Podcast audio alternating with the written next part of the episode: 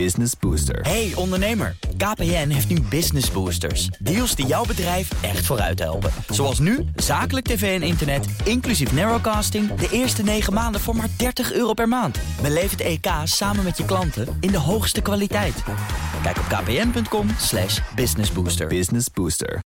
De Nationale Autoshow wordt mede mogelijk gemaakt door Leaseplan. BNR Nieuwsradio.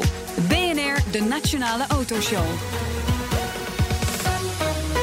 Meindert en Wouter. Het is een business die terminaal is. Zo omschreef onze gast in een van zijn columns onlangs de huidige stand van zaken in de Nederlandse autosector. Ja, een scherpe mening kun je Arjan de Jong niet ontzeggen. En daarom spreken we zo de belangrijkste automotive, thema's van het moment. Met Zo. een Jezus, van een tongbreker. Nou, en welke thema's zijn dat dan, Wouter? Eh, de groei of eigenlijk de krimp van de Nederlandse automarkt. Als je het over nieuw hebt, WLTP, Dieselgate, Tesla. Nou ja, we kunnen, we kunnen Lekker, allerlei leuke dingen eh, lekker kletsen. Ik hoop dat we aan een half uur genoeg hebben. Welkom een uur lang alles over auto's en mobiliteit hier op BNR. Meepraten doe je natuurlijk via Twitter. Het BNR Autoshow straks in deel 2. Het klimaatakkoord. Ja, Oh, deze hoi. week na veel onderhandelen aan de tafels. Nou, daar waren ze heel druk mee met z'n allen. Eh, Het is gepresenteerd. We spreken Maarten van Biezen. eh, de man die namens de vereniging elektrische rijders aan tafel zat... en met het mes tussen de tanden onderhandeld Goh, wat heeft. zou die geadviseerd hebben, ja, denk je? ik doe maar elektrisch, want ik ben Ja? van die vereniging. Iets met een stekker. Ja. Dit is de laatste uitzending van dit seizoen overigens. Daarna gaan wij met reces, Ja, met Wouter. reces, ja. Ja, Straks een barbecue en eh, dan een beetje feesten. Worden wel Precies. gewoon doorbetaald natuurlijk, net als de Tweede Kamer. Oh nee, dat bij ons niet. Jammer is dat, hè? Ja, dat is wel waarom zonde. is dat bij eh, Tweede Kamerleden wel? Dat is raar. Omdat die eh gewoon uit de ook- belastingruif. Oh ja, daarom. Dan kan het allemaal niet op. Geld kan gewoon niet op. dat betalen wij. Ja, precies. Zodat wij niet betaald worden. Eh, goed, en daarom praten we dit eh, half uur over de belangrijkste thema's die op dit moment spelen in de autosector. Zoals gezegd, de gast dit half uur Arjen de Jong. Hij is de oud-directeur van BMW in Nederland, adviseur, columnist bij vakblad Automotive, commissaris bij verschillende bedrijven en executive searcher. Welkom Arjen, leuk dat je er bent. Nou, dat eh, moeten we wachten, maar... eh, Voorlopig nog wel. Ja, we geven je het voordeel van de twijfel. Ja, is, is dit ik, eh, alles wat jullie doen? Ja, oh, ja. Nou, Meijnert eh, die, die kreeg al meteen een beetje de volle laag. Hè? Dat is, eh, of niet, jij jij hem eens Net alsof die me Nee. niet kende. Ja. ja, dat zou ik ook doen. Executive search. Is dat nog leuk? Een beetje mensen zoeken? ja, dat is nu juist leuk. Ja? Ja, want eh, kijk, vroeger deed je dat eh, gewoon op je site zette je wat. Ja. En ze kwamen binnenrennen. Maar op dit moment is eh, de, de, de markt staat zo enorm onder druk. Goede mensen, die vind je niet. Nee. Dan komen ze uiteindelijk dan toch van... verdikkie, we hebben één verkeerd. En wil je een keer helpen? Ja, tuurlijk wil ik helpen. Ja. Kunnen we erover praten? Ja, natuurlijk Nee, kunnen we erover praten. Ja, maar ik stuur eerst een factuur. Of Ja, zo werkt nou, het niet nee, zo? Nee, nee, nee, nee, nee, ik vind wel... eh, Ja, je bent moet- heel behulpzaam. Je moet, eh, je moet eh, wat doen voor je geld. En Ja. ik vind dus die Kamerleden dat die dat niet doen, dat is onbegrijpelijk. en Ja. jullie moeten dat gewoon niet willen. Dat zijn Nee. toch... Nee, maar natuurlijk word je dat betaald. En dan ga je de goede... Een goede vent, of een goede vrouw, die zit ergens en die gaat niet weg. Die wil niet weg. Nee. Waarom niet? Nou, omdat ze er niet van bewust is. En Nee. die heeft het die heeft nat zin. Niet nat zin, wel nat zin. En die moet je losbranden. Alleen, je, je moet ze weten, je moet ze Maar kennen. Hoe doe je dat? Eh, Want eh, Gewoon- voor, voor een branche die terminaal ziek is, dat is toch, daar wil je toch helemaal niet in werken? Nee. Vlucht Ja. iedereen eruit. Kijk, eh, laat één ding duidelijk zijn. Willen ze een column van mij lezen... dan moet je natuurlijk wel het even scherp neerzetten. Laat me Ja. het provoceren. En die, die, die branche is dood. Nou, die branche is natuurlijk helemaal niet dood. Auto's gaan via internet. Auto's gaan natuurlijk niet via internet. Dat gaat Nee. voorlopig helemaal niet gebeuren. Jongens, kom op. En alles wordt elektrisch. Nou, Ja. dat, dat heeft allemaal zijn tijd nodig. Ja. En er is, er is consolidatie in die branche. Papa, mama en eh, huisje met een schuurtje erachter waar we dat deden. Dat is een beetje voorbij. Het wordt Ja. professioneel. Ja. En professionele mensen nodig. Schaalvergroting dus. Ja. En dan maakt het ook interessant voor natuurlijk. de mensen die jij zoekt. Ja, die schaalvergroting heeft namelijk één gigantisch gevaar. En dat is dat de vent op de, op de tent. En dat is dus, je kunt wel alles centraliseren en achter de, achter de schermen goed voor elkaar hebben, maar je moet het feest, het gezicht naar de klant toe, Ja. op de vloer. De vent op de tent die het bedrijf runt, de operator, dat moet een perfect iemand zijn. En Ja. het gebeurt veel te weinig. Want die hele grote bedrijven die verzuipen in, eh, administratie, bureaucratie. in bureaucratie. Ja. Dank je. Eh, en wat voor soort bestuurders zoeken autobedrijven dan om, om, om dit te voorkomen? Moet het echt iemand zijn die op die barricade staat? Een soort, Nee, nee. soort mijner die in zijn boegbeeld, boegbeeld van het programma. Die, eh, Ja, dan gaan we nu samen mijn het plagen, dat verdient je ook niet. Ja, jawel, joh. Maar, kan maar- het goed hebben hoor. Kom maar Nee, op. maar, nee, maar er, zijn, er zijn twee richtingen. Je hebt de, de, de, de man die echt op de vloer, bij wijze van spreken, die, eh, die, de, de contactmaker. De man, vrouw die met de klant om kan gaan. Maar er is een hele andere kant, dus digitalisering. Waar het net stonden we met z'n even grapjes te maken over LinkedIn. Ja. En dat deze oude man op LinkedIn van alles moet gaan doen. En ik heb Ja. net even van, van, van meneer Evers even wat geregeld. en jullie wisten niet wat het... Nee. Goed, hè? Nee, Nou, nee, en nee. dat- Dat je die digitaal- locatie, locatievoorziening kan aanzetten. En dan LinkedIn, mensen in je omgeving, kan je dan meteen een connectie maken. Nee, ik, wist Tak. het, ik wist het oprecht niet. Dus dat was ik leuk. Hem een visitekaartje geven. En toen keek die me aan en toen dacht ik... Oh, normaal, ja, ja. oh, Ja. doe ik iets fout? nou, wat heb ik, waar heb ik het over? Deze branche is, is, is een beetje outdated. Deze branche die moet afgestoft worden. En digitalisering, automatisering speelt een hele grote rol. En dat soort mensen... Als ze er nog niet zijn in die bedrijven, dan moeten ze als de sodomieten erin. Maar ze moeten wel de branche begrijpen. Ja, nou heb ik wel Oh. een, natuurlijk een leuk eh, vo- voorbeeld. Hè? Want we hebben eh, eh, sinds deze maand en een nieuwe directeur actief bij Volvo Car Nederland. Hendrik van der Gaar. Eh, Voorheen was hij directeur bij Woonexpress. Wij waren wat verbaasd toen die, die keuze voorbij kwam. Maar goed, we zijn niet in het proces betrokken. Begrijp jij die keuze van Volvo voor iemand die is branchevreemd en die daar zo komt invliegen? Jijn. Jijn. Ja en Kan nee dus. ja, kan ja, kan nee. Nee. Jijn. Jijn. En waarom, waarom Maar ja hij, is waarom reta- nee? hij is retailer, dus Ja. hij snapt heel goed wat retail is. Ja. Hij weet heel goed wat digitalisering is. Ja. Dus dat snapt hij hartstikke goed. Dus, dus dat, dus dat hoef je niet te leren. Als hij nou maar zo wijs is dat hij een paar mensen om zich heen verzamelt... die weten wat er gebeurt in automotive retailing. En waar je moet consolideren. En dat, eh, je moet altijd realiseren, in, in, in mijn branche, dat noem ik mijn branche... er zijn drie ballen moet je in de lucht houden. De klant... Eigenlijk vier. De klant, je de begint met de klant een bal eh, te de noemen. klant- Maar goed, maakt niet nee, uit. Nee, nee, Pak me nou even niet. Nee, oké. Je moet vier ballen in de lucht houden. Eén, de klant, Ja. die wil tevreden zijn. Twee, de fabrikant wil volume hebben. En daar blijft hij op duwen. Jij als ondernemer moet geld verdienen. En de vierde bal, heel belangrijk, je personeel wil continuïteit. En die vier ballen moet je in de lucht houden. En niet één ding, ik, ik geld... En de klanten die kunnen me wat en Ja. ik doe voor mijn importeur niet. Als je dat nou niet begrijpt. En zo moet je ook als importeur, als fabrikant, want importeurs bestaan niet meer, het zijn allemaal local marketing en sales offices in dit kleine landje. Die man die aan het roer zit, die moet een paar mensen hebben die goed begrijpen wat er moet gebeuren, wat moet een dealer doen. En voldoet hij aan die vier ballen? Heeft hij die in de lucht? Doet hij een tevreden personeelstevredenheidsonderzoek? Ja. Haalt hij een factory binnen om te kijken van, Ja. hey, hoe gaat het met mijn personeel? Dat soort zaken. Doet hij dat? En is hij ook echt, verdient hij? Want als die man geen- die dealer geen geld verdient, kan Nee. hij niet investeren, loopt Ja. hij achter. Nou, Ja. dat moet je dus echt. Ja. En Ja. dat is een taak. Maar, Ja. maar toch, het is toch wel iets anders dan als je. Hij is een retailer, maar is het niet groot verschil als je banken, tafels verkoopt of auto's?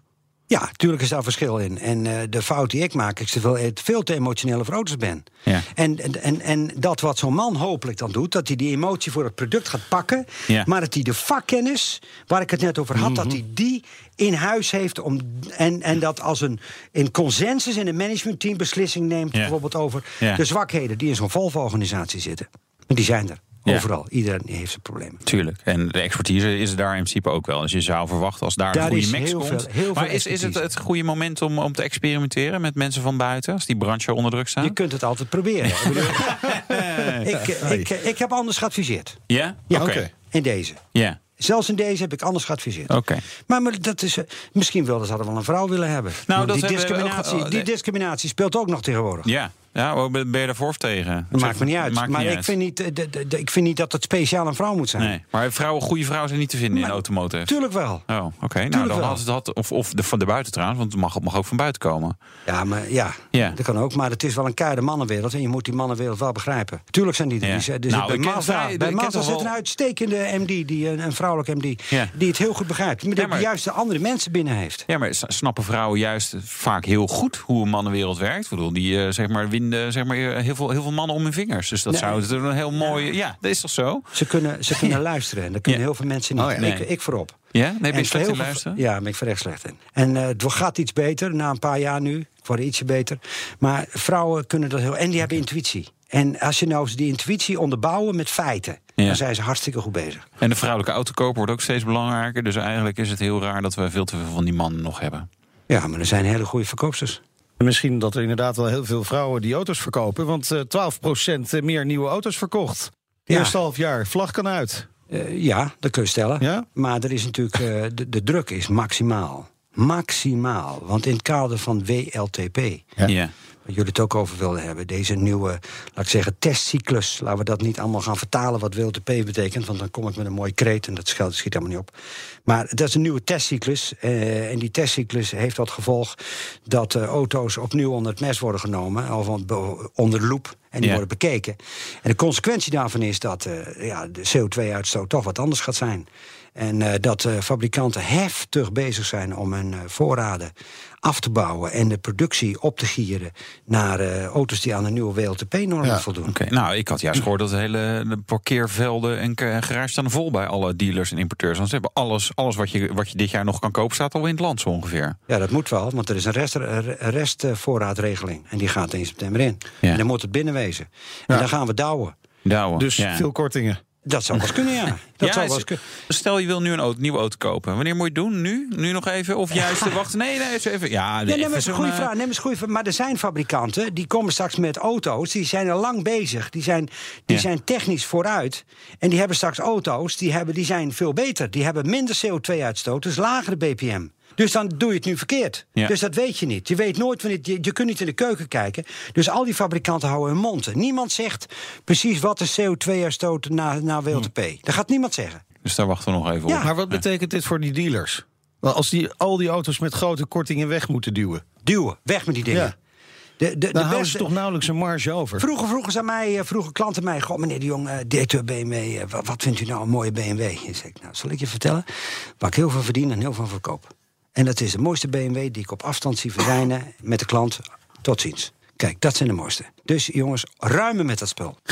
en dat is, dat is, dus zit er druk op. Zometeen praten we verder ook over die WLTP, Dieselgate, Tesla. Onderwerpen die zeker besproken moeten worden met Arjen de Jong. En we doen De petrolhead check. Leuk. Ja, spannend. BNR Nieuwsradio. BNR, de Nationale Autoshow. Tijd voor het nieuwsoverzicht van deze week. Ja. Wouter. Ja. En eh, ja, zullen we gewoon maar beginnen waar we de vorige keer ook zijn begonnen? Tesla. Tesla. Ja, lekker. Hebben we weer iets te zeuren of hebben ze iets goed gedaan eh, deze Ja, keer? Ze hebben wel iets goed gedaan. Ja. Oh, ik zie het ja. 200.000 auto's verkocht in Amerika. Nou, dit is wel een discussiepuntje. Wat dat betekent dat die tax credits, hè, de belastingvoordelen die er zijn, eh, langzaam gaan aflopen. Het duurt nog wel even. Maar eh, volgens mij nog heel dit jaar krijgen eh, Amerikanen die een Tesla kopen 7.500 dollar terug van de IRS eh, op hun inkomstenbelasting. Eh, en daarna wordt dat elke keer gehalveerd. Maar goed, dat duurt allemaal nog even.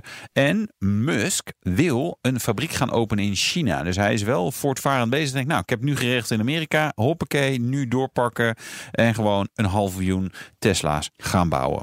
Nou, en ik begrijp dat Elon Musk groot sponsor van Red Bull is geworden. Is dat zo? Ja, maar al die Model 3's zijn op liters Red Bull gemaakt.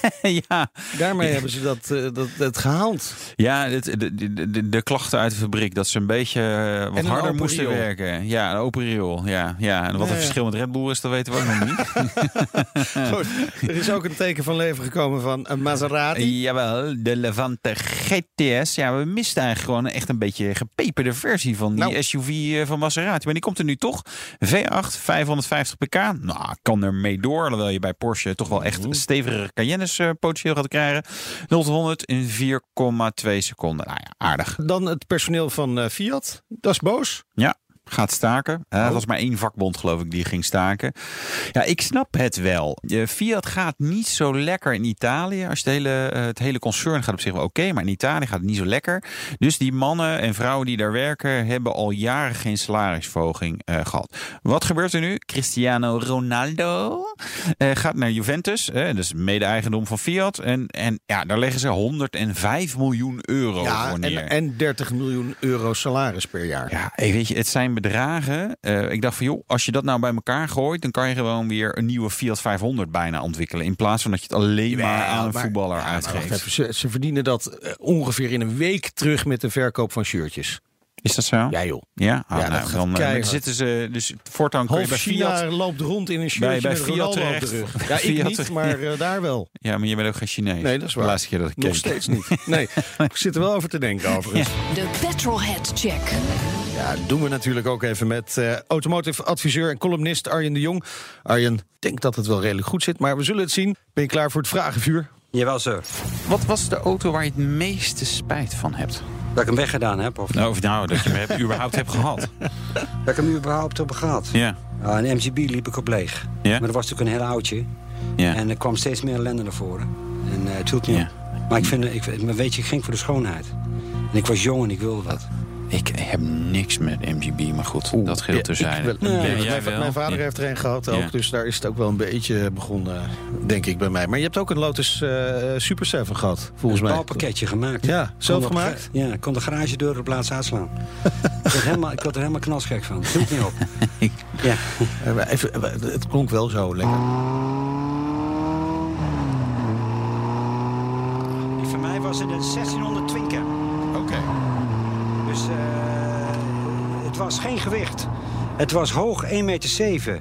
En hij woog 550 kilo. En er zat een 1600 Ford eh, Twinker motortje in. En er zat een Weber eh, valstroom op. En die stak dwars in de motorkap heen. Anders kon, die, anders kon dat ding er niet staan. En dat ding ging als een, als een speer. Ja, Ja. En je raakte steeds meer opgewonden. ja, En eigenlijk levensgevaarlijk. ja. En als je opgewonden raakt in de auto, dan eh, kun je ook wel eens tegen een boete aanlopen. Wat Ja. was je hoogste ooit? Dat was een jaar voorwaardelijk. een jaar voorwaardelijk. Ja. Ja, echt waar? voorwaardelijk. Ik reed, ik reed in Zeeland. En dat, ik, kwam de Zeeland, ik kwam de Zeelandbrug af, kwam de rotonde. Ja. Dan praat je over eh 70 jaren. Ik denk eh 78 of zo, 77. En de Saab, 9, eh, Saab eh, 99 tweedeurs turbo. En eh, dat was een auto, als je gas gaf, dan het stuur moest je goed vasthouden. Want er zat zoveel koppel en die, die, die aandrijfasjes die waren onafhankelijk van elkaar. Ja. Uiteraard. En de ene was langer dan de andere. Wat mee koppelen op het ene en het andere wiel. Moest je heel goed vast. Maar als een speer. En ik had die auto achter me niet in de gaten. En op een gegeven moment moest ik ergens keurig stoppen. En toen moest ik uitstappen. En, Ja. Mocht Hoeveel- maar rijbewijs wel meenemen. Maar Hoeveel te hard was het? Ik weet het niet. Maar het was secundaire weg, denk ik, waar je 80 mocht. Ja, ik denk dus dat ik 160, zoiets. Ja. meer, veel te hard gereden. Maar dat is lang geleden. Nee. Mooi. Reële droomauto. Wat zou je nog een keer willen hebben? Is er maar één. Ja? Ja, ik ben Engelse autogek. Ik zou een Aston Martin willen. Ja. En eh, een V12 Vantage. Ah, lekker. En dan nussen en beat kubiekintjes. Gas geven en dan gewoon niet van je, van je, van je auto, niet, niet automatisch, handgeschakeld. Ja, die is alleen maar handbak, toch? Ja, dat kan wel, ja. Ja, ja. En dan afblijven en dan gewoon 2000 toeren rijdt hij, trapt het in. Hij vreet het meteen op. Ja. Het is geen diesel die secundair reageert. Hij vreet het gelijk en hij gaat onderuit, om de zak gaat hij. Wah! Ja. Dit. Dit. En ik vind het toch ook nog chic. Nog chic. Met je blazer aan kun je Ja, het is niet zitten. plat. Nee, het is niet, het is niet Audi. Kijk. Nee. Nou, wat zullen we er eens van maken, Nou, ik denk Wouter? wel oké is, toch? Ja? Deze keer, ja. Uitmuntend. Ja, denk het wel. De Petrolhead Check met eh, Arjen de Jong. Hij is een uh, duizendpoot in de autosector. Onder meer adviseur, columnist voor Automotive. Commissaris en senior advisor bij Boyden Nederland. Jullie twee, Wouter en Arjen, jullie zijn elkaar eerder tegengekomen... in het vliegtuig onderweg naar de autobeurs van Genève. Vijf voor zeven 's morgens. Ja, Ja. vroeg, ja. En ja. eh, toen vroeg ik aan die jonge man naast mij... Hé, hey, wie ben jij? ja. Weet je dat dan niet? Ja, neem me zo- niet kwalijk, meneer. En wie ben jij dan? ja, toch, ja. Eh, de vraag is natuurlijk of dat nog eh, vaak gaat gebeuren... in het vliegtuig naar een eh, autosalon. Nee, alleen Genève. Ja, en ik, want het gaat me nu om mijn hart. Kijk, dat Parijs naar de, naar de noten gaat als, ten- als beurs, dat vind ik niet erg. Maar dat ze nu eerst, de eerste fabrikant ook zeggen... we gaan niet meer naar Genève, vind ik jammer. En de, ja, daar krijg je gewoon eh, stalpoten. Op een gegeven moment kun je niet meer... eh, je wordt ontzettend moe van. Maar Genève vind ik jammer. Dat vind ik een kleine, compacte beurs. S'morgens vroeg in het vliegtuig, vroeg je nest uit. Ja. S'avonds laatste vlucht terug. Ja. Maar. Arjen, we kunnen het jammer vinden, maar het is ook een beetje de realiteit. En jij zegt op het begin wel, auto's die via internet verkocht worden, gaat niet gebeuren. Maar Nou, dat is dat dit is niet, heeft ik- toch ook wel met internet te maken? Ja, tuurlijk, maar je kunt een, eh, een nieuw design wat er komt, kun je toch, en een goede persconferentie, die eh, zou je eigenlijk daar toch wel moeten zien en moeten, Ja. mee- moeten meemaken. Maar het is een branche die in verandering is. Hè? Ja. Dus, eh, maar bijvoorbeeld ook dealers. Wat, wat, moet een dealer nog? Als het allemaal via internet gaat, volgens mij heb jij daar ook wel een eh, mening over. Wat zou, wat zou een dealer moeten doen nu? Een dealer moet eh, zich ontzettend goed eh, voorbereiden met, eh, met nieuwbouw in zijn bestaande panden, met elektrificering van auto's. Dus begin aan zonne-energie te denken, laadpalen in je tent. Ga nadenken over zonnepanelen op dak. Gaan eh, met- de grote ga- elektriciteitsleveranciers praten. Het zijn vaak ideale gebouwen ook daarvoor, hè? Platte daken. Jawel, maar dan moet de constructie, moet de constructie sterk genoeg zijn. Dus Ja, we zullen ja. aan de buitenkant misschien moeten gaan versterken. En dan moet je over nadenken hoe je dat oplost. En je moet, eh, en je moet eh, de juiste marketing gaan hebben. En dat is niet meer een, een advertentie in een lokale krant. maar het is, je moet gaan digitaliseren. Je moet heel Nederland bewerken. En je moet eh, proberen toch uniek te zijn. En dat uniek kun je met gebruikte auto's doen. in je Ja. eigen merk. En eh, de, de winst zit in de inkoop. Ja, En dat is neerzetten. En jij staat erachter. ja. En daar kun je heel veel mensen binnenhalen. En Maar die- nieuwe auto's is dus eigenlijk niet meer zo interessant. Ja, natuurlijk wel. Want, want de fabrikanten hebben een afleverpunten nodig. Ja. Maar gebruikte auto's kun je het geld verdienen, blijkbaar. Nou ja, je haalt af de sales naar je toe, als je Ja. het goed doet. Ja. En je haalt klanten naar je toe, als je het goed doet. En die moet je Ja. vasthouden. Dus je Maar moet... maar gaan die, die fabrikanten, die dealers niet eh, op een gegeven moment gewoon buitenspel zetten? Dat ze gewoon Dat zelf ze, zullen direct ze, aan Ja, de klant tuurlijk. verkopen? Dat willen ze dat. Dat doet Tesla ook. Ja, eh, Wat dat betreft eh, is dat wel een voorbeeld voor de rest misschien. ja, maar dat is eh, denk ik korte termijn. Want we gaan het zien als Tesla echt concurrentie krijgt. Wat gaat er gebeuren? Of gaan we nu over Tesla hebben? Nou, wat jij wil wil. ik... Nou ja, bedoel- Laten we, laten we het toch maar even over Tesla gaan hebben inderdaad. Het is misschien toch wel een goed idee. ja. Het is wel een gamechanger, toch, Tesla? Of Vind niet? vind. Dat vind je zelf niet eens. Nou, daar hoef ik niet op te antwoorden. Nee, maar, nee, maar hij heeft, heeft, Elon Musk heeft wel wat gedaan. Hij heeft wel Ja. wat, maar een gamechanger met een ding dat zo in elkaar valt, kan niet waar zijn. Nee. Een ding waar je de onderdeel niet van kan krijgen. Een ding met Is de kwaliteit ding, zo slecht? ding waar, er- nou ja, je leest het, je moet gewoon overal lezen. En je moet sites aflopen, je moet weten waar je het over hebt. En alleen Ja. het ziet er ontzettend lekker uit. Dus een hele geile, gave auto. En Ja. dat is wel belangrijk. Design is wel belangrijk. We gaan ook niet lopen in een broek die je niet mooi vindt. Nee, Nou, je nee. kruipt ook niet in een auto die Nee, je niet mooi vindt. nee. Er zijn ook hele lelijke elektrische auto's. Zoals? Ga ze niet noemen? Ah, nee, nee, nee, nee, nee, nee. Ik heb gezegd dat ik me niet liet provoceren door jou. Daar, eh, BMW i8 is wel ook wel een lekker ding, toch? Zullen we, we gaan het verder over Tesla. En de hebben. i3? We gaan het verder over Tesla. Zo- als ik zou, zou mogen kie- moeten kiezen, Ja. eh, weet je wel, een BMW eh, hard natuurlijk. Ja. De rest van je leven een BMW i3 of een Tesla Model S? Wat wordt het? Ja, dat is kansloos en i3. Ja, Natuurlijk, want ik weet dat het kwalitatief supergoed is. maar En ook al, nou, maar hij, hij, voldoet, hij voldoet niet aan. aan eh, ik vind het gewoon. eh, maar en hij, heeft, hij, heeft geen, hij, heeft geen, hij heeft geen. Je kunt er geen afstanden meer over Nee, maar het is gewoon een, Nee. een soort slecht zittende korte broek natuurlijk. Ik heb, eh, ik heb overwogen zo'n ding. Met eh, hoge sokken. Ik heb overwogen zo'n ding mee te nemen naar een huis elders in, in Europa. Waar ik hem neer wilde zetten en dan een druppelaatje erop. Maar jongens, eh, het ding heeft gewoon geen actieradius. nee. Dus er moet eerst wat En je anders kan niet met die range extender, met die, met die brommermotor erin. Dan kan je weer 100 kilometer ja, extra. Maar daar, daar zijn we er nog niet mee bezig, maar wat we Ja. bedoelden. Hè? Ja. Maar goed. eh, Maar, waarom is het eh, nou niet de game changer? Hè? Want je ziet toch dat nu andere merken eh, wel eh, vol op elektrisch in gaan zetten. Nou, heel kort. Ja? Haal de subsidie eraf en de elektroauto's zijn dood. Oké. true. Er zijn nog nu nog te duur. Ja, en de accu's zijn nog niet zo ver. Ja. Er moeten eerst betere accu's komen met... Dus de, de reden waarom andere fabrikanten elektrische auto's bouwen... Hè, ik reageer ook even Ad van der Meer, die heeft even een reactie... ha, geen gamechanger, de Tesla was er ooit een eh, Porsche Taycan geweest... zonder een Tesla Model S. Ja, wel. Want uiteindelijk eh, dwingt eh, wet en regelgeving toch eh, de, alle fabrikanten in de hoek van elektrificatie. En ja, dat zal ongetwijfeld een andere auto zijn geweest als Tesla er niet was. Dat, dat ben ik absoluut met, met Alt eens. Maar ja, weet je, dit is, het is een beetje, een beetje theoretisch. eh, van ja, want ze zijn er. Dus, dus ja, kunnen niet doen alsof ze er niet zijn. Dat is lastig. En de verandering komt van top. Dus ze zullen altijd moeten komen van hele dure auto's. Ja. Van bovenaf, goed ontwikkeld. En dan langzaam druppelt het naar beneden toe door. In welke rol heeft Dieselgate er eigenlijk in gespeeld? Ja, heel veel. Is die iets belangrijker? Ja, wat, er daar- wat daar gebeurt, dus kan daglicht niet velen. Nee. Dat is ongelooflijk. eh, dat, eh, dat de autolobby in, in Brussel de boel belazerd hebben. Gewoon gevraagd hebben om eh, minder, eh, betere normen. Die we ze kunnen voldoen, et cetera, et cetera. Tussen de boel gewoon belazeren aan mas. De Duitsers die rukken het op straat. Die, halen het, die zetten het in de pers, halen ze de rechtbank. De Fransen Ja. en, de, en de Italianen houden hun mond. Ja, maar dat is nog interessant, hè? Want wij krijgen toch altijd wel de indruk dat eh, Dieselgate eigenlijk stiekem wel groter is dan we nu weten. Het is veel groter. Ja? Alleen ik denk dat niet dat alles boven komt. Het allerslechtste is natuurlijk de, is natuurlijk de cover-up. Ten slotte, als de cover-up niet gelukt is, dan zijn de habetjes niet geboost. Ja, dat kan helemaal niet wezen. Maar wat betekent dat voor de toekomst van Tesla? Want je hoort nu eh, meerdere fabrikanten zeggen we stoppen met diesel. En we Nou gaan ja, het gewoon Tesla niet meer doen. krijgt eh, binnen 2020 dan, eh, dan gaat het echt los. 2025 zijn er zo ongelooflijk elektrische auto's. En, en dan, je ziet die Jaguar I-Pace, wat een fantastische auto.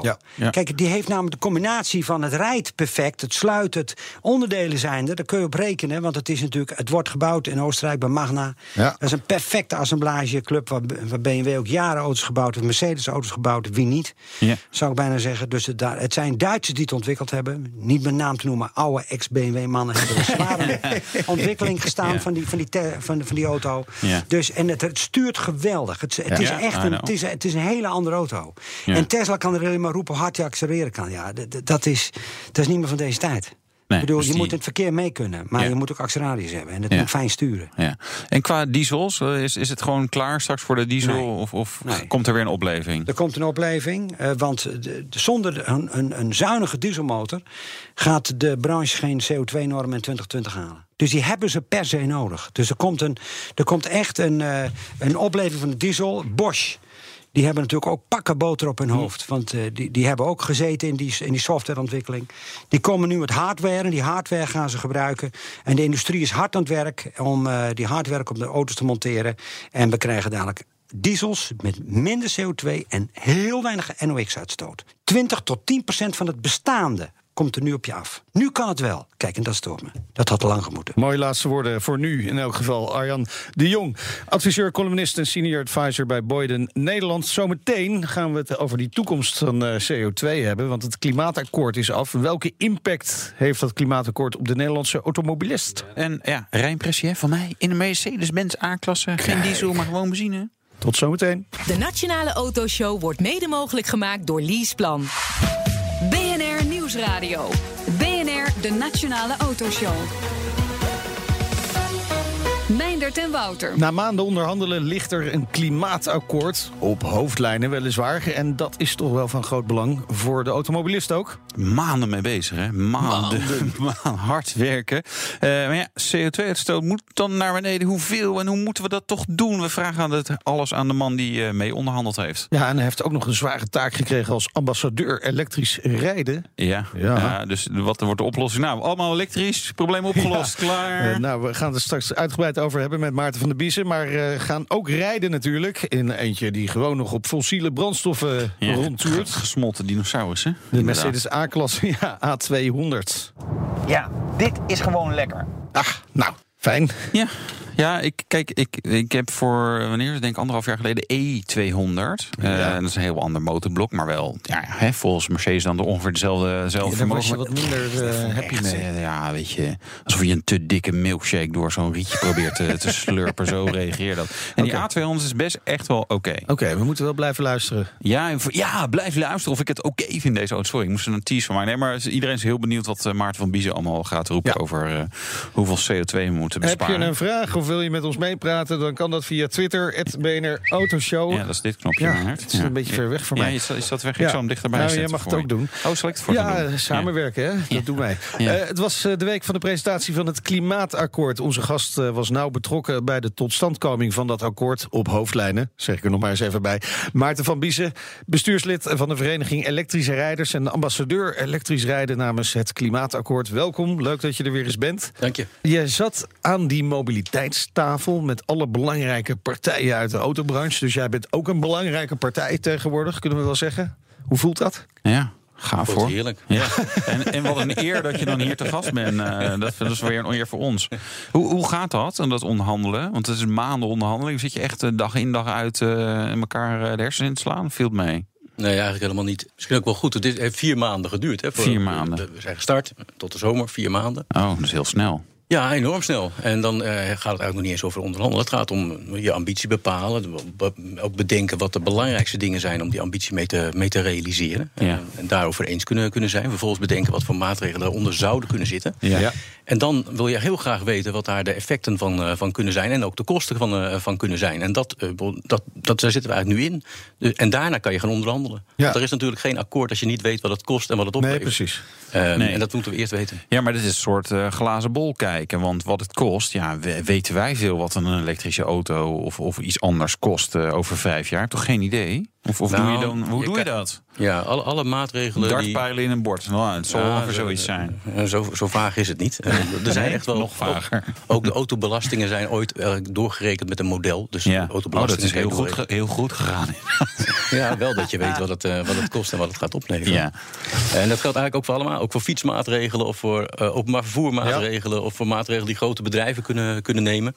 Dus al die maatregelen die zitten echt in een doorrekenpakket. En het planbureau van de leefomgeving komt dan na de zomer daarmee terug. En die vertelt, nou, eh, dit zijn ongeveer de, de, de, de effecten die dat eh, veroorzaakt... en dit zijn de, de kosten. Ja. Ehm, en daar moet je dan met elkaar over gaan praten. Over hoe ga je dan de doelstelling uiteindelijk halen. Ja, want wat was jullie opdracht aan die tafel? Want Dat, dat, dat is natuurlijk eigenlijk het begin. Je krijgt een, een envelopje met van nou, dit, eh, dit moet eruit komen. Ja, de opdracht die is vrij duidelijk. Je hebt sowieso het grote klimaatakkoord. Die moet 50% ongeveer CO2-reductie halen in 2030. Ja. In 2050 nog een stuk verder weg. 95% CO2-reductie. De verkeerssector moet eigenlijk naar zero emissie in 2050. Dat is de opdracht. Oké. In 2030 eh, moeten we dus eh, eh, moeten we bij elkaar iets van eh 7,5 megaton eh, CO2-reductie realiseren. Om dat even een beetje gevoel te geven wat dat is. Nu wordt de hele verkeerssector bij elkaar, dus alles wat we in Nederland aan, aan verkeer hebben, stoot 36 megaton CO2 uit. Oké.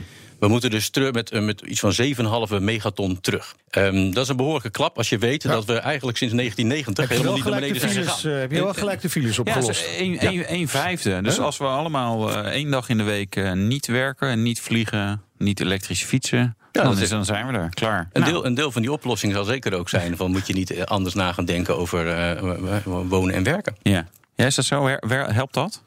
Het is bekend dat het nieuwe, het nieuwe, rij- of het nieuwe werken bijvoorbeeld, dat Ja. dat een bijdrage heeft geleverd aan minder files. Ehm, minder- waren, anders waren ze nog meer, waren ze nog meer Dat is geweest. nog erger geweest. Ja, Ja. ja, goed.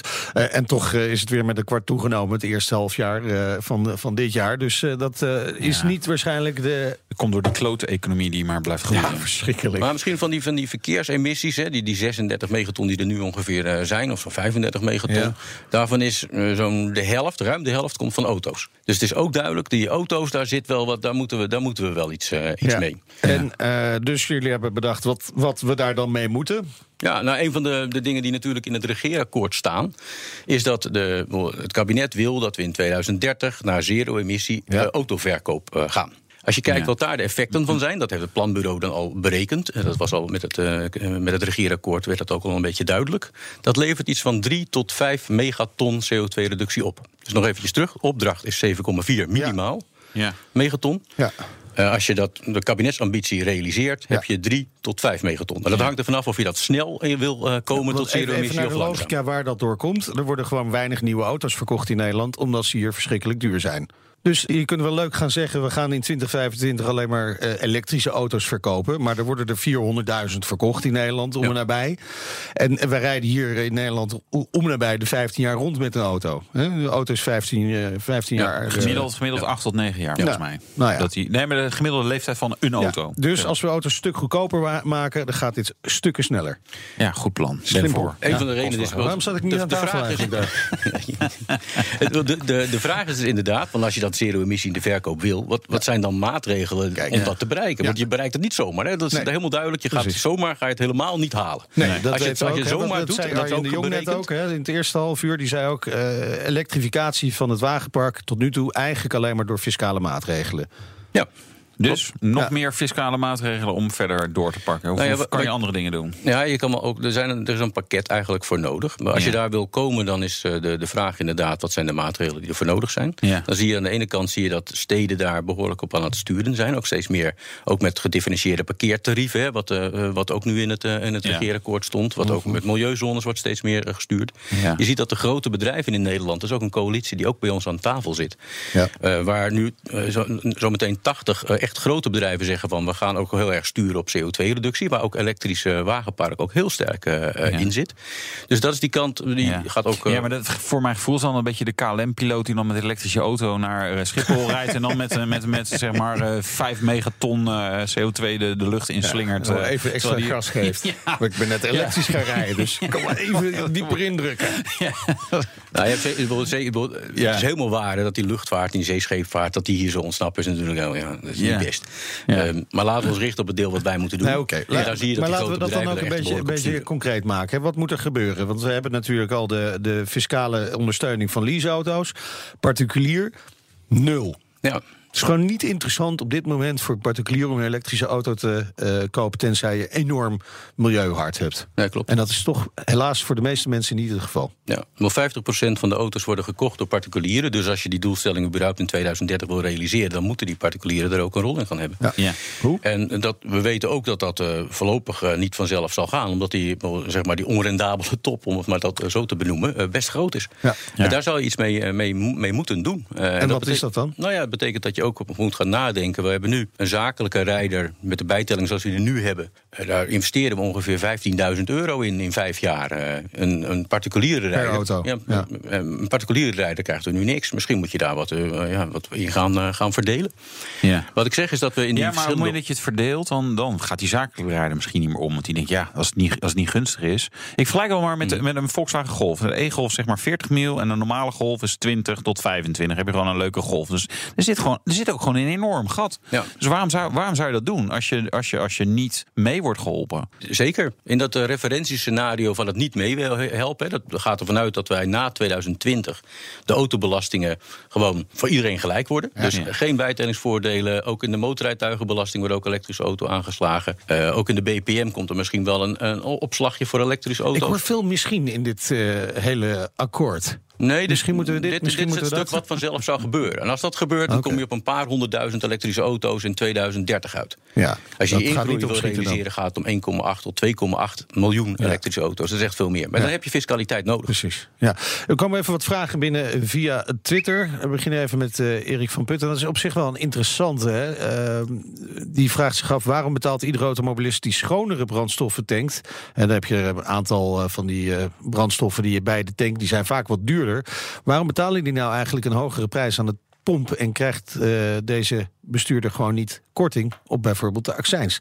En dat zouden we ook al eh, aardig opschieten. En welke schonere brandstoffen hebben we het dan? Ja, het zijn, zijn van die ultimate brandstoffen bijvoorbeeld. Die houden je motor ook schoner, waardoor uiteindelijk ook minder uitstoot is. Naast dat er een discussie is over de, wat het uiteindelijk voor een effect eh, veroorzaakt, is die- zijn die effecten ook heel erg klein. Nee, maar ik heb wel het idee dat eh, als we die plannen willen halen, dan helpen alle beetjes. Ja, dat dan is, moeten eh, we dat- gewoon het allervieste als eerste even weg zien ja, te krijgen. Maar als je het hebt over echt reducties van, van, van, van me- megatonnen, Ja. die haal je niet met dit soort maat. En zometeen, hoe nu verder met dit klimaatakkoord? Want het is er en we hebben dus blijkbaar hele grote maatregelen nodig om dat allemaal te bereiken. Eh, wanneer weten we welke maatregelen er daadwerkelijk komen? En we gaan dus rijden met die nieuwe Mercedes A-klasse. BNR Nieuwsradio. BNR, de Nationale Autoshow. Tijd om te gaan rijden. De rijimpressie. Ja, en Wouter die mocht de vernieuwde Mercedes A-klasse testen, de A200.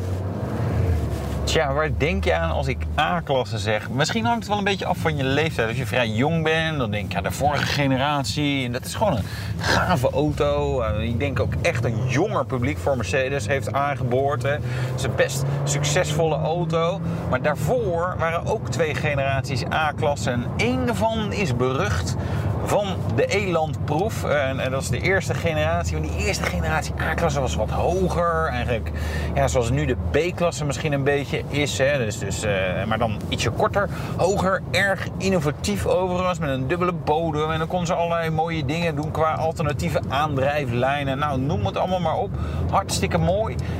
Eén probleem, tijdens de Elandproef viel die om. Heeft Mercedes opgelost, onderstel wat aangepast, ESP gemonteerd, uiteindelijk allemaal gefixt. En ze kunnen er in Stuttgart inmiddels ook alweer om lachen. Ehm, nou, daarna kwam er nog zo'n hoge A-klasse. En toen kwam de vorige. Dat was ja, hippe, gave auto. eh, ook echt wel aangesproken. Met één klein nadeeltje. En dat kleine nadeeltje was ook letterlijk klein. Namelijk het scherm. En het is een beetje een raar onderwerp misschien om over eh, te hebben in auto's, maar het wordt wel steeds belangrijker. De vorige A-klasse en eigenlijk de huidige Cela en Gela hebben het nog steeds. Hebben een soort fotolijstje als scherm. Maar goed, Dat was de vorige A-klasse. Deze is rete gaaf geworden qua user experience. Twee grote schermen die vloeiend in elkaar overlopen. Net zoals de S-klasse dat ook al een tijdje heeft. Maar wat er anders is, we hebben niet meer zo'n ja, stoel over het schermpje wat voor ons staat, wat, waar normaal de tellers in zitten. Is, dat is gewoon ja, een soort zwevend ding wat zeg maar, echt op het dashboard staat.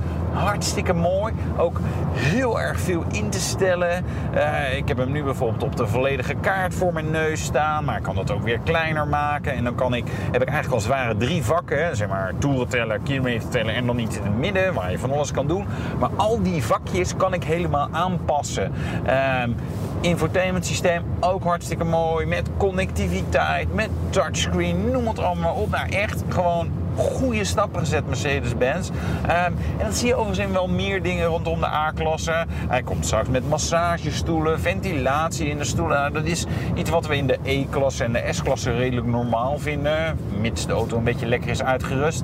Maar in de A-klasse hadden we dat zeker nog niet. En dat is dus echt wel uniek in zijn klasse. En ik rij in de A200. Nou, Ik weet niet of jullie wel eens mijn rijimpretje van de E200 hebben gehoord. Maar die was niet heel erg positief. Hierover, ja, dit is gewoon lekker. Met een 7-traps automaat.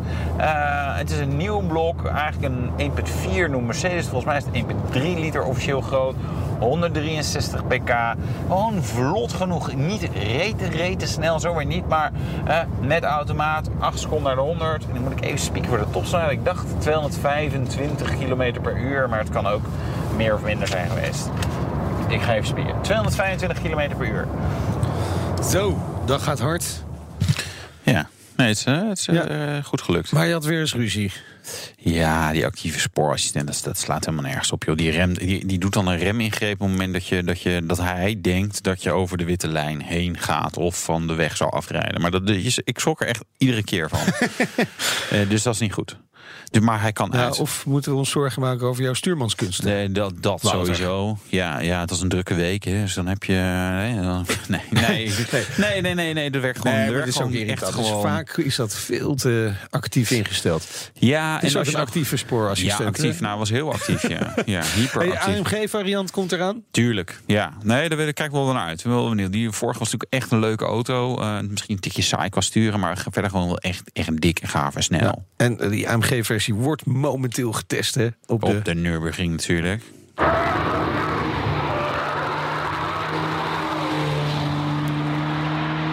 Er blijft niet veel over van die bandjes volgens nee, mij daar. Nee, nee, nee. Dat, eh, dat, zou ik, dat werk zou ik ook goed kunnen doen. Eh, eindoordeel.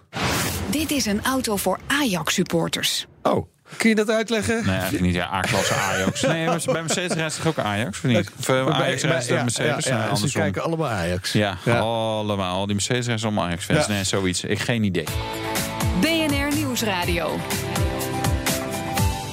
BNR, de Nationale Autoshow.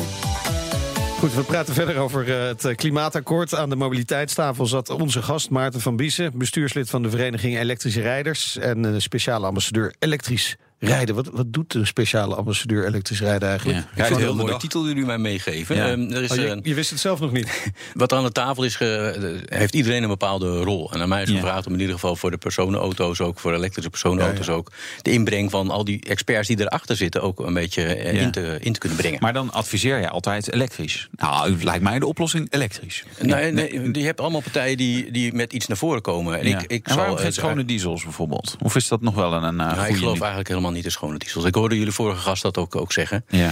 Ik denk, wat ik nu zie is dat ik eh, steden die verbieden überhaupt diesels. Ja. En dan kan je nog wel met je schone diesels eh, aankomen. Ja. Ik denk dat het gewoon een, eh, Ja, maar- een, een maar- wacht gestreden strijd is. Ja. Nou ja. Die is voorbij. Als je zoveel ton CO2 wil gaan besparen, dan moet je misschien gewoon wel vol op die diesel, die hele zuinige diesels gaan inzetten. Nee, je moet volledig op eh, elektrisch ook eh, Ja. gaan mikken. Wat, Ja. ik, wat ik zie is dat eh, de laatste, het laatste jaar is de CO2-emissie van de verkoop van auto's is gestegen. Ja. En dat kwam niet doordat er minder diesels werden verkocht. Nee, dat kwam doordat de auto's die werden verkocht Doordat vooral zwaarder waren. Meer SUV's zijn Ja, verkocht. Ja, om- en meer. om- omdat de fiscaliteit is veranderd. Nou, in Europa is dat... Als je, als je standaard 22% betaalt. Ja, maar Nederland is natuurlijk een mini-landje. Ja, En dat is waar. Ja.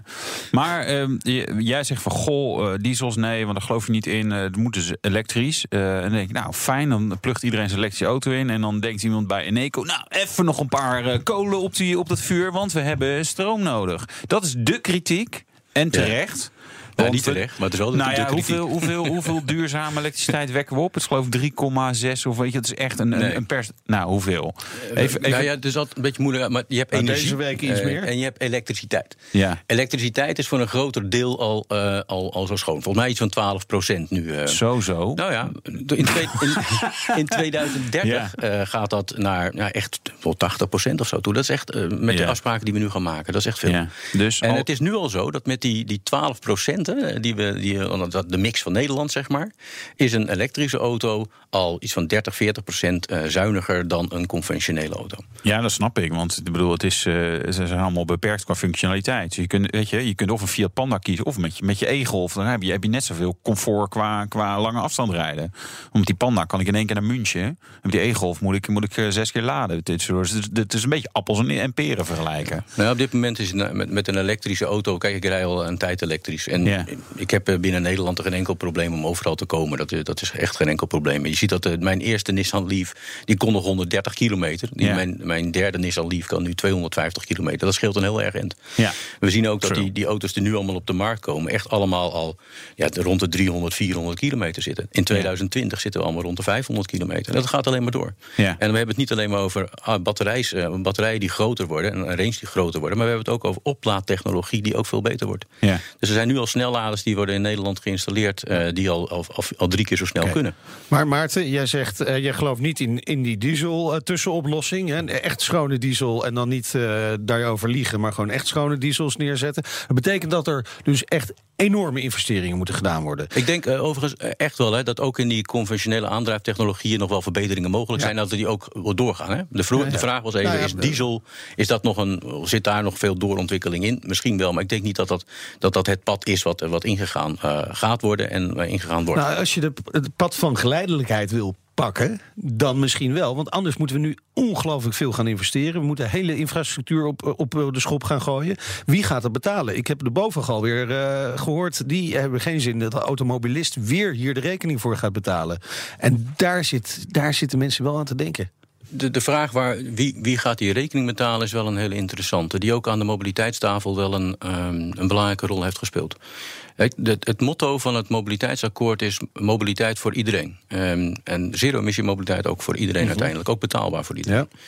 Ehm, als, je dat, eh, als je dus van alles met fiscaliteit en stimuleringsmaatregelen gaat doen die heel veel geld kosten. ehm, en dat is nog maar de vraag of, je dat, of dat heel veel geld gaat kosten. Dat zijn we aan het doorrekenen. Nou ja, goed, als iedereen elektrisch gaat rijden, dan komt er ook veel minder accijns binnen. Om maar eens even een voorbeeld te geven. Ja, en dat is nou een heel goed voorbeeld. Dus het is gek als we met z'n allen eh, iets willen. Ja. wat minder accijns oplevert. Als iedereen zou stoppen met roken, eh, krijgen we ook nee, minder ik ben En het dat helemaal met je op zich eens. goed, hè? Ja, ik ben het helemaal met je Ja. eens. Maar uiteindelijk eh, kan ik gewoon een eh, voormalig Amerikaanse president quoten. En die zegt: It's the economy, stupid. Het gaat ook om die knikkers. Natuurlijk willen we allemaal in een schoon milieu wonen. Eens, maar de vraag is wie betaalt die knikkers? Ja, precies. Ehm, en eh, ik vind het terecht, en dat vinden we aan de mobiliteitstafel ook terecht, dat dit systeem niet tot in de treuren kan worden betaald, ook door de mobiliteitssector zelf. Eh, dus het is niet zo dat als de accijnsinkomsten maar dalen, omdat we dat nou heel graag willen, omdat we zuinige auto's eh, graag Ja. met, met z'n allen willen, dat dat ook weer binnen die mobiliteitssector gecompenseerd moet worden met hogere belastingen. Nee, dat is niet zo. Dat dus vinden daar zijn harde afspraken over gemaakt. Nou ja, dat is wat wij vinden. Wat wij doen, is misschien ook goed om te vertellen. Als mobiliteitstafel doen wij een voorstel eh, aan minister Wiebes. eh, en die gaat daar. eh, nou, nou, Die gaat zitten rekenen. die gaat rekenen. en er iets mee doen. Maar wij vinden dat een deel van die rekening dus ook buiten de, mobiliteits, buiten de mobiliteitssector wel eens betaald zou mo- mogen Heel gaan worden. Dat is fijn om te horen in ieder geval. Tot slot, dankjewel. Ehm dit was de laatste Nationale Autoshow voor eh, dit seizoen. Ja. En eh, Maarten van Biesen, bestuurslid van de Vereniging Elektrisch Rijders... die was te gast. Vanaf volgende week dan zijn we even met een zomerstop. Een reces hebben wij, ja. Een reces, Ja. straks de barbecue. Eh, je hoort eh, al die tijd zes weken lang het beste van de Nationale Autoshow. Dus ga vooral luisteren. Volg ons deze zomer via Twitter, BNR Autoshow. En wil je deze of andere uitzendingen terugluisteren? Dat kan via de site, de app, iTunes of Spotify. De Nationale Autoshow wordt mede mogelijk gemaakt door Leaseplan. Hardlopen, dat is goed voor je. En Nationale Nederlanden helpt je daar graag bij. Bijvoorbeeld met onze digitale NN Running Coach... die antwoord geeft op al je hardloopvragen. Dus, kom ook in beweging. Onze support heb je. Kijk op nn.nl slash hardlopen.